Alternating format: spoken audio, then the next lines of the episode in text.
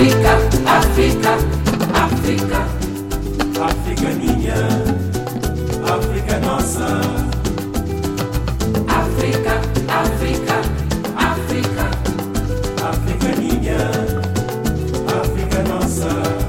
La música y la voz de Cesaria Évora para viajar por África. ¿Se imaginan hacerlo en tren? Lo hemos cruzado el continente en bicicleta, en coche, en avión, pero es la primera vez que pensamos en el tren para cruzar este continente.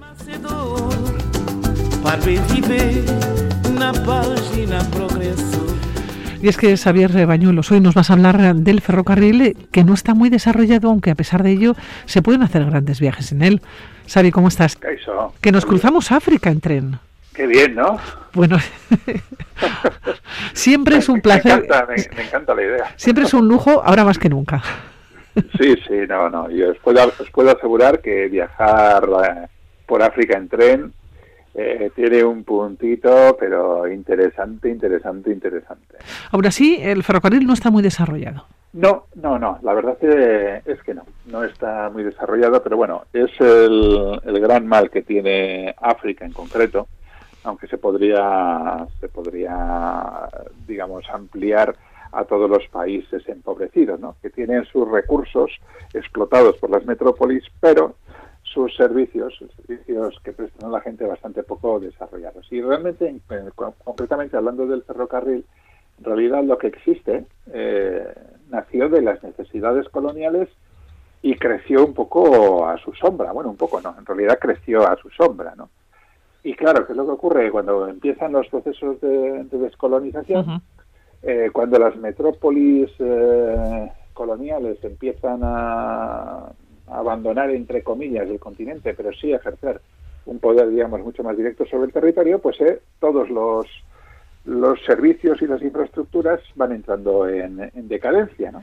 Básicamente ante la imposibilidad de mantenerlas por parte de estos países emergentes, estos países jóvenes en su independencia, aunque los pueblos son tan antiguos como, como los nuestros, ¿no?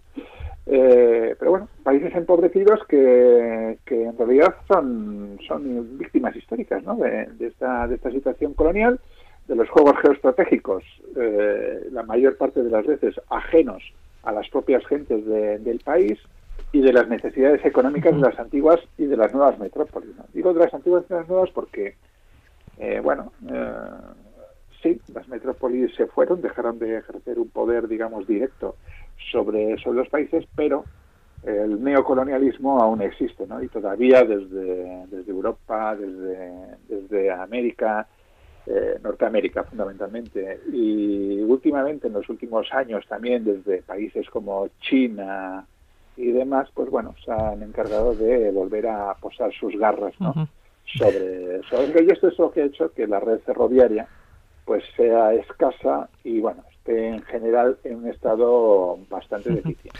El viaje de los viajes africanos en tren une el norte con el sur, el Cairo y Ciudad del Cabo, 7.244 kilómetros. Menudo pedazo de viaje, ¿eh? Efectivamente, porque como bien has dicho al principio, a pesar de lo que hemos comentado, se pueden hacer grandes viajes en tren y más o menos muchos países tienen, tienen redes infraestructuras ferroviarias que nos permiten hacer. Y el gran, el gran viaje, el viaje por antonomasia, no solamente en tren, ¿eh? en realidad es un poco uno de esos viajes soñados eh, de cualquier eh, viajero, de cualquier viajera que se plantea África, es hacer el Cairo, Ciudad del Cabo, ¿no? es decir, cruzar el, continente de norte a sur, de sur, de sur a norte, emulando a aquellos antiguos viajeros del siglo XIX. ¿no? Sí, también se puede hacer en tren. Se puede hacer en tren. Eh, a ver, se puede hacer en tren, pero con, cuidado, en el sentido de que no todos los tramos están completos. A ver, eh, este, este trazado ferroviario eh, data más o menos de finales del 19. ¿no? Estamos nuevamente hablando de la época colonial, del sueño de aquel personaje que fue Rhodes, ¿no? fue uno de los grandes, no sé cómo decirlo, de, los grandes señores del colonialismo británico, que, bueno, que fue eh, colonizando todo lo que era el sur de África, desde Sudáfrica, Zambia, lo que entonces eran Zambia y Zimbabue, o sea, Zambia y Zimbabue, lo que entonces eran Rhodesia del norte y Rhodesia del sur, fíjate que llevan, llevan su nombre, ¿no? Bueno, en realidad lo que era el sueño británico era unir colonialmente toda, toda la franja, digamos, este de, de África, desde sus colonias en Sudáfrica hasta, hasta sus colonias en el norte, como eran Egipto, Sudán y demás, ¿no? Eh, les quedó durante un tiempo la espinita de Tanzania, que fue, eh, no sé si fue colonia o protectorado alemán, hasta que después de la Primera Guerra Mundial ya por fin consiguieron, digamos, hacer un continuo. ¿no? Entonces, de ahí viene la idea. Lo que pasa es que en la, actua, en la actualidad la verdad es que está, está incompleta. Entonces, hay varios tramos completos que sí se pueden hacer. Por ejemplo, el Cairo Asuán, ¿eh? que está en Egipto, que son 868 kilómetros, con varios ramales ¿no? en el delta del Nilo, por ejemplo, los que van a Banja, Alejandría, Danieta, a por Said. Hay otro tramo que está completo también, que es el Wadi Haifa Hartun Babunasa, en Sudán, de unos mil kilómetros. Hay otro tramo que es el Gulu Kampala, en Uganda, de unos 330 kilómetros. El Kindu Lubumbashi, dentro de la, de la República eh, Democrática del Congo, que lo une con Victoria en, bueno, entre Zambia y Zimbabue, y Bulawayo, ya en Zimbabue, otros 2.800 kilómetros, y luego el Bulawayo, eh, Gaborone, Ciudad del Cabo, ¿no? que atraviesa Zimbabue, Botswana y Ciudad del Cabo. Y aquí estamos hablando ya de 2.260 kilómetros. También tiene un ramal, que es el Bulawayo por Elizabeth, ¿no? de Zimbabue a, también a Sudáfrica. Entonces todos estos tramos se pueden en principio hacer en tren y el resto, pues bueno, hay que ir combinándolo con otros medios de transporte que te vayan, que te vayan uniendo. Claro, pues te buscas la vida, efectivamente, ¿no? el resto tenemos que ir. Claro, pues tú vas del Cairo a Asuán, por ejemplo, y luego, claro, para ir de Asuán hasta Guadillafa, a Guadillafa en, en, Sudán, pues bueno, ahí tienes pues que combinar, pues no sé, autobús, básicamente, autobús o coche o como sea, ¿no? Es atravesar la frontera sudanesa, ya de paso pues aprovechas a ver las pirámides de los faraones negros y te plantas en Wadi Jaifa y coges de nuevo el tren hasta Jartún y, y Babanusa. Bueno, pues así más o menos hay que ir haciendo este recorrido. Lo que nos falta es tiempo. En cualquier caso estamos hablando además de un recorrido del Cairo hasta... Un viaje largo, muy largo hasta... Sí, sí, aquí nos hacen falta, hombre, yo diría que meses. meses. El recorrido completo si lo quieres hacer de un tirón. Porque sobre todo, además, Javier, nos encontramos con diferentes mundos. El mundo del Cairo, el mundo de Egipto no tiene nada que ver con Ciudad del Cabo y, Totalmente. O Sudáfrica y no tiene nada que ver tampoco con los países que nos vamos a encontrar en el medio. Estamos desde la zona del norte de África, ¿no? Los países eh, de herencia, digamos, musulmana, en este, bueno, no musulmana, es decir, más bien árabe, en la zona de, de Egipto, y te vas encontrando con con el, con el mundo y te encuentras después con el mundo sahariano, porque atraviesas todo el desierto y, llegas a la África subsahariana con todo con todo el batiburrillo precioso, diverso y maravilloso de pueblos que hay en, en, el África subsahariano, Bantu, es, eh, eh, no sé, eh, Khoisan, eh, porque a veces digamos, vemos, a, vemos a África subsahariana y decimos, todos negros. Digo, sí, todos negros, sí, pero todos diferentes, ¿eh? con sus lenguas, sus culturas, sus formas de pensar, sus cosmogonías, o sea, sus formas de entender el mundo muy distintas entre sí, ¿no? Una riqueza tremenda. Eso te iba a decir, una riqueza desde luego extraordinaria. Por cierto, claro, claro, estábamos hablando como unimos, ¿no? El Cairo, Ciudad del Cabo, pero hay más trenes también, en el este, en el sur y en el oeste, ¿no? Eso es, por ejemplo, en el este y el sur, pues sí tenemos unos cuantos, ¿eh? Por ejemplo, tenemos el Bulawayo Beira en Mozambique, que son 872 kilómetros. Tenemos eh, uno que es muy chulo, que es el tren de Limpopo, que une Maputo, la, capital de, Mozambique, con, Somabula, en Zimbabue, otros 900 kilómetros de recorrido. Está el ferrocarril Pretoria-Maputo, ¿eh? que une la República Sudafricana con Mozambique, este es un poco más cortito, 518 kilómetros. Y luego hay un tren que a mí me encanta, que es el tren lunático. Ya solamente el nombre, ¿eh? el Lunatic Express, es, es increíble. ¿Te acuerdas de aquella película eh, de, Stephen Hopkins de 1996 que la protagonizaban Val Kinman y Michael Douglas, Los demonios de la noche? que contaba la historia de los leones de Chavo, los leones asesinos. ¿eh? Bueno, pues eh, esa película cuenta precisamente un episodio que ocurrió en la construcción del tren lunático, ¿no? Porque claro, los ingleses se plantean eh, unir eh, la zona del interior desde, de sus colonias, ¿no? Pues estamos hablando de Kampala con la costa del Índico hasta hasta Mombasa y de allí a Dar es Salaam y se encuentran con que en un momento determinado hay unos leones ¿no? en, en, la reserva de Chavo, que bueno, estaban cebados, es decir, se habían acostumbrado a matar, a cazar personas, ¿no? Y entonces mataron a la friolera de 140 hombres en 1898 eh, que eran trabajadores del ferrocarril que estaban eh, que estaban eh, construyendo. Pues están trabajando ya, claro. Y fueron casados finalmente por el coronel Patterson, ¿no? que es interpretado por, creo que por Michael Douglas, es el, el, coronel Patterson en, en, la película. ¿no? Bueno, y el telunático se le llama en realidad porque partía, digamos, de lo que se llamaban las montañas de la luna, que eran consideradas como las fuentes del río Nilo y demás. Entonces, pues bueno, unía, digamos, eh, todo este terreno y, actualmente se puede hacer, ¿no? Sales de Kampala en Uganda, vas hasta Mombasa en Kenia y luego puedes tirar hacia el sur y llegar hasta Dar es Salaam en Tanzania, 1650 Bueno, unos paisajes entiendo que impresionantes, ¿no? Pues sí, en plena naturaleza, claro. Muy, muy, bonitos, claro, porque vas prácticamente desde el lago Victoria atravesando toda la zona de sabana hasta el Océano Índico con con sus maravillosas eh, aguas turquesas, ¿no? Una, una pasada, sí, sí, muy, muy chulo. Y luego hay otro tren en esta zona que es el ferrocarril Addis Abeba eh, Djibouti, ¿eh? que bueno, es relativamente nuevo, ¿eh? 2016, y bueno, aprovecha el antiguo trazado francés y son 800 kilómetros que atraviesan pues, todas las tierras, las tierras etíopes. También es un país fascinante. A mí es un país que me encanta. Eh, y llega eso hasta, hasta Djibouti.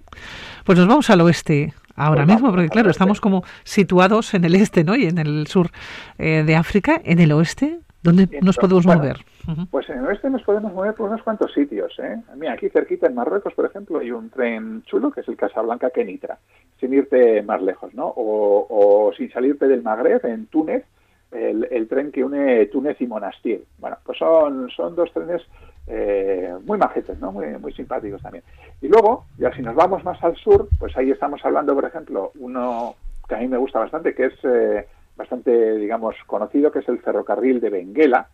El ferrocarril de Benguela es por la corriente de Benguela, ¿eh? toda la costa, la costa de Angola, angoleña, efectivamente, ¿no? Toda la zona de Benguela, Katanga, y une una localidad que se llama Lobito y otra localidad que se llama Tenque está ya en la República Democrática del Congo y son 1.344 kilómetros.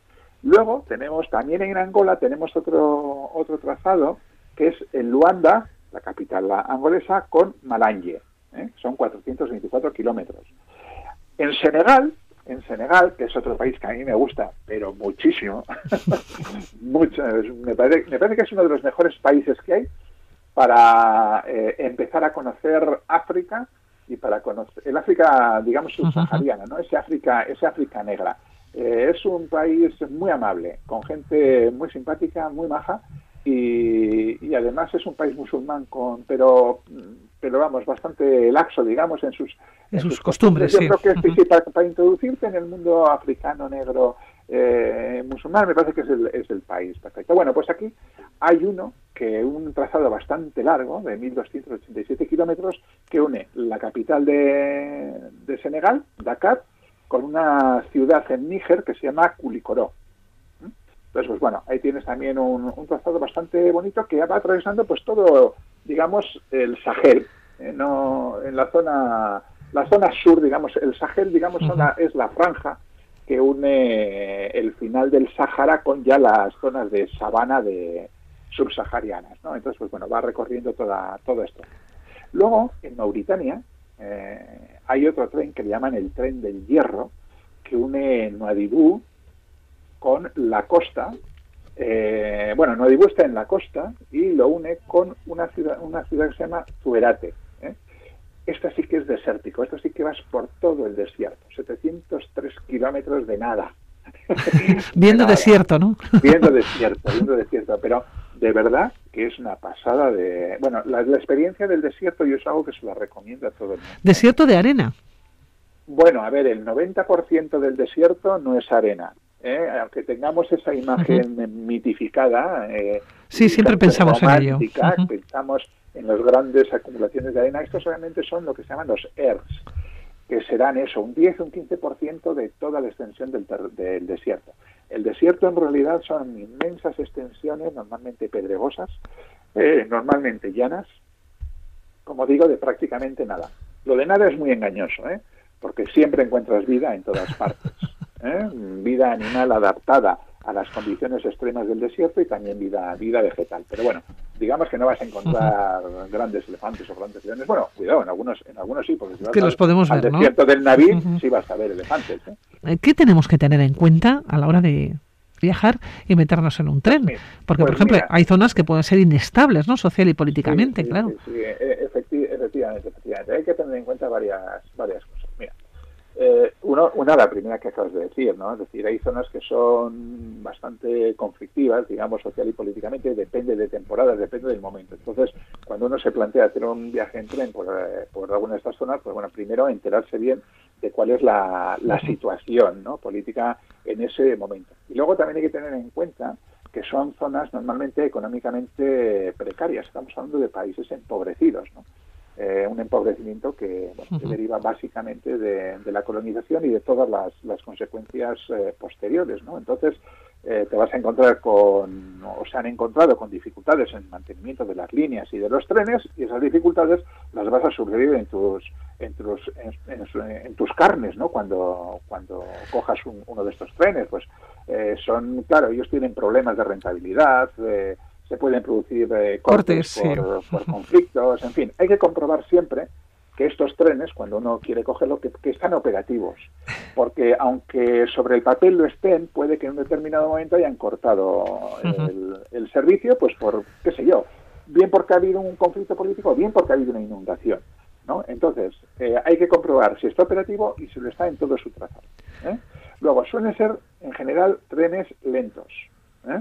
Derivado también de esta falta de mantenimiento en las líneas y, en, los, en, las locomotoras, en los vagones y demás. La puntualidad, hombre, pues depende de las circunstancias y de las zonas. Hay, mira, por ejemplo, es curioso porque, por ejemplo, en Tanzania, eh, yo nunca he salido tarde en un tren. O sea, yo no sé si es que primero fueron colonia alemana y después británica, y esto se les ha metido en la sangre en los trenes, y salen pero puntual no, puntualísimo. ¿eh? Ahora bien, otra cosa es la hora de llegada. ¿eh? Porque ahí sí que sufres todo lo que hemos estado diciendo hasta ahora. Porque hay que ir sin prisa, Xavi, hay que ir sin prisa. Claro, a ver, por África hay que viajar. Bueno, hay que viajar sin prisa en todas En todos los sitios. Pero en África especialmente hay que viajar sin prisa.